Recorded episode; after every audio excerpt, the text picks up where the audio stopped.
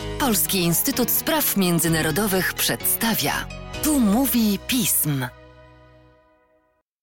Tu mówi pism. Przy mikrofonie Mateusz Józwiak, a wraz ze mną Michał Wojnarowicz, analityk oraz ekspert Polskiego Instytutu Spraw Międzynarodowych do spraw Izraela. Cześć Michale, dzień dobry Państwu. Dzień dobry Państwu, cześć Mateusz. Nie tak dawno temu spotkaliśmy się o tym, by porozmawiać o wracającej do nas kwestii związanej z rozwiązaniem Knesetu. Mamy wyniki, a razem z nimi pewne przetasowanie na izraelskiej scenie politycznej. Chciałbym Cię zapytać, co one mówią o izraelskiej polityce?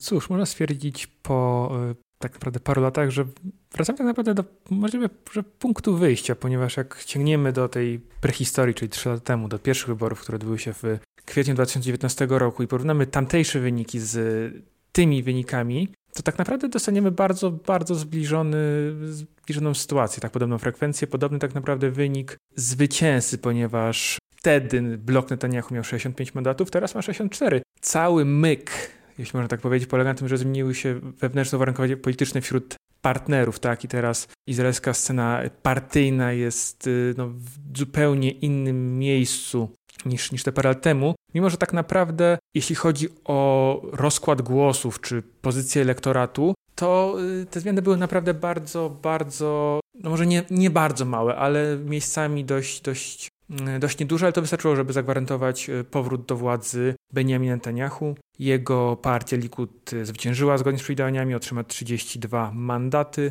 Drugie tyle otrzymają łącznie jego sojusznicy, tak, czyli Zjednoczony, Juda Zjednoczony Judaizm Tory i partia Szas, czyli te ortodoksyjne grupy. A trzecią siłą będzie religijny sionizm, partia złożona z no, najbardziej radykalnych, prawicowych, nacjonalistycznych ugrupowań na izraelskiej scenie politycznej.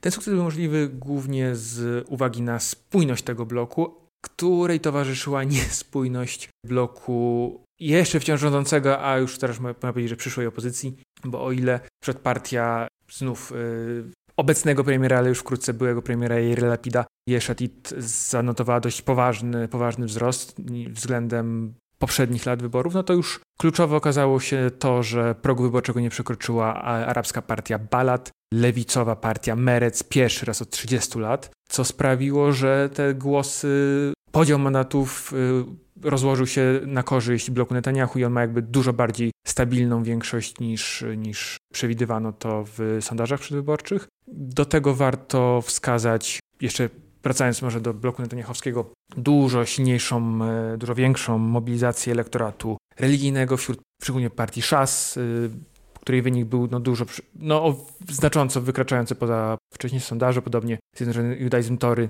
miał to, miał, zagwarantował sobie jednak e, troszeczkę większe poparcie, co w efekcie no, konstytuuje powrót Netanyahu do władzy z solidną, e, solidną większością Wielu komentatorów to podkreśla, że będziemy mieli teraz do czynienia z najbardziej prawicowym e, rządem w Izraelu.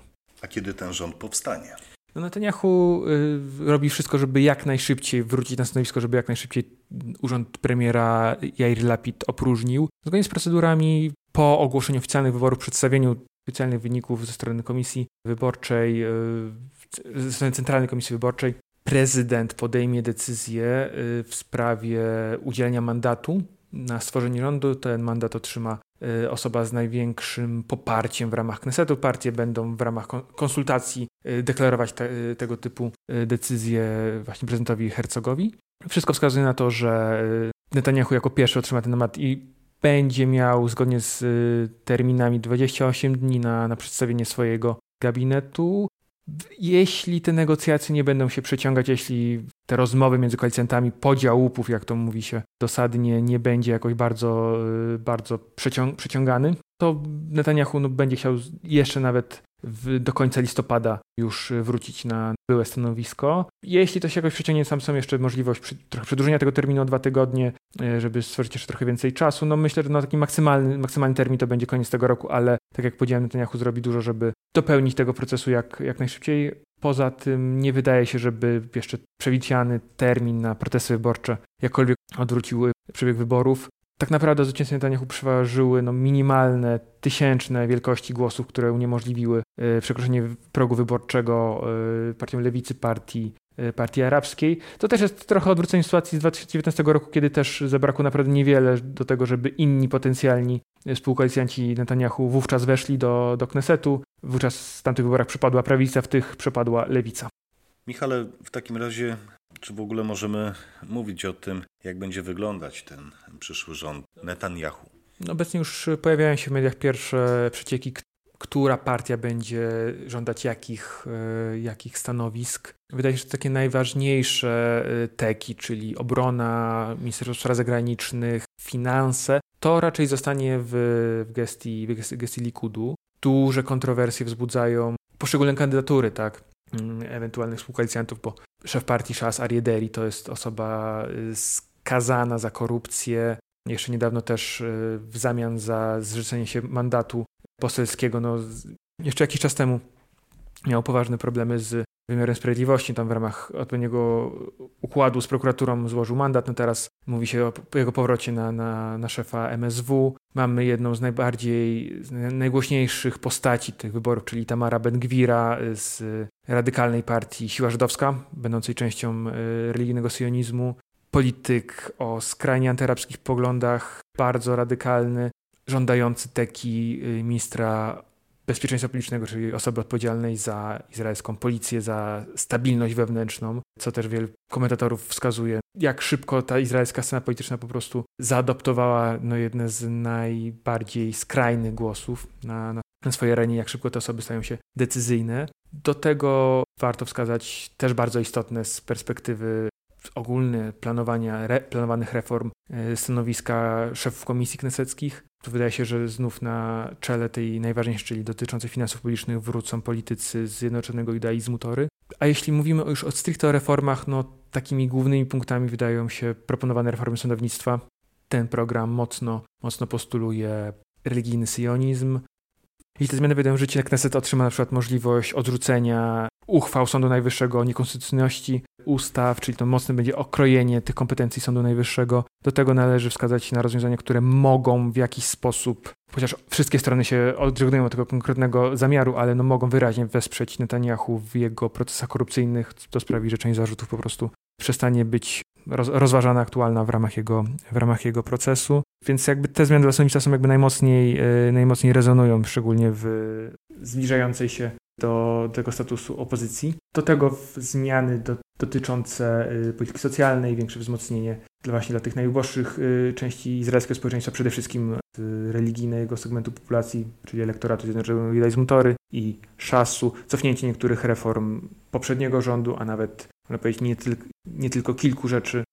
W kontekście polityki zagranicznej dużo się mówi o z jednej strony kontynuacji niektórych procesów, tak jak normalizacja z państwami arabskimi, poprawa relacji z Turcją, ale z drugiej strony Netanyahu no, rozważał, mocno krytykował, kontestował wręcz y, umowę gazową z, z Libanem, chociaż tu raczej spodziewałbym się utrzymania akurat tego, tego porozumienia. Nie wiadomo, pozostaje jeszcze polityka wobec, y, wobec konfliktu na, na Ukrainie. Netanyahu bardzo ostrożnie wypowiadał się na temat tej wojny, nie krytykował, nie atakował bezpośrednio Rosji ani Władimira Putina.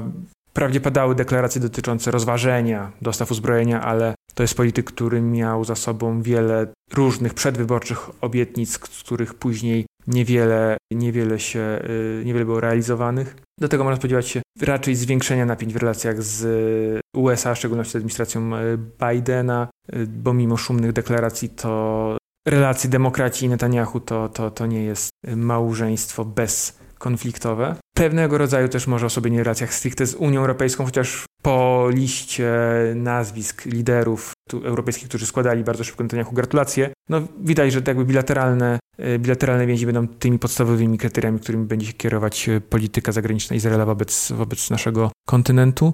No i oczywiście kwestia relacji z Palestyńczykami, tak, bo to będzie to chyba największe, najszybsze wyzwanie dla, dla nowego rządu, sytuacja bezpieczeństwa na zachodnim brzegu.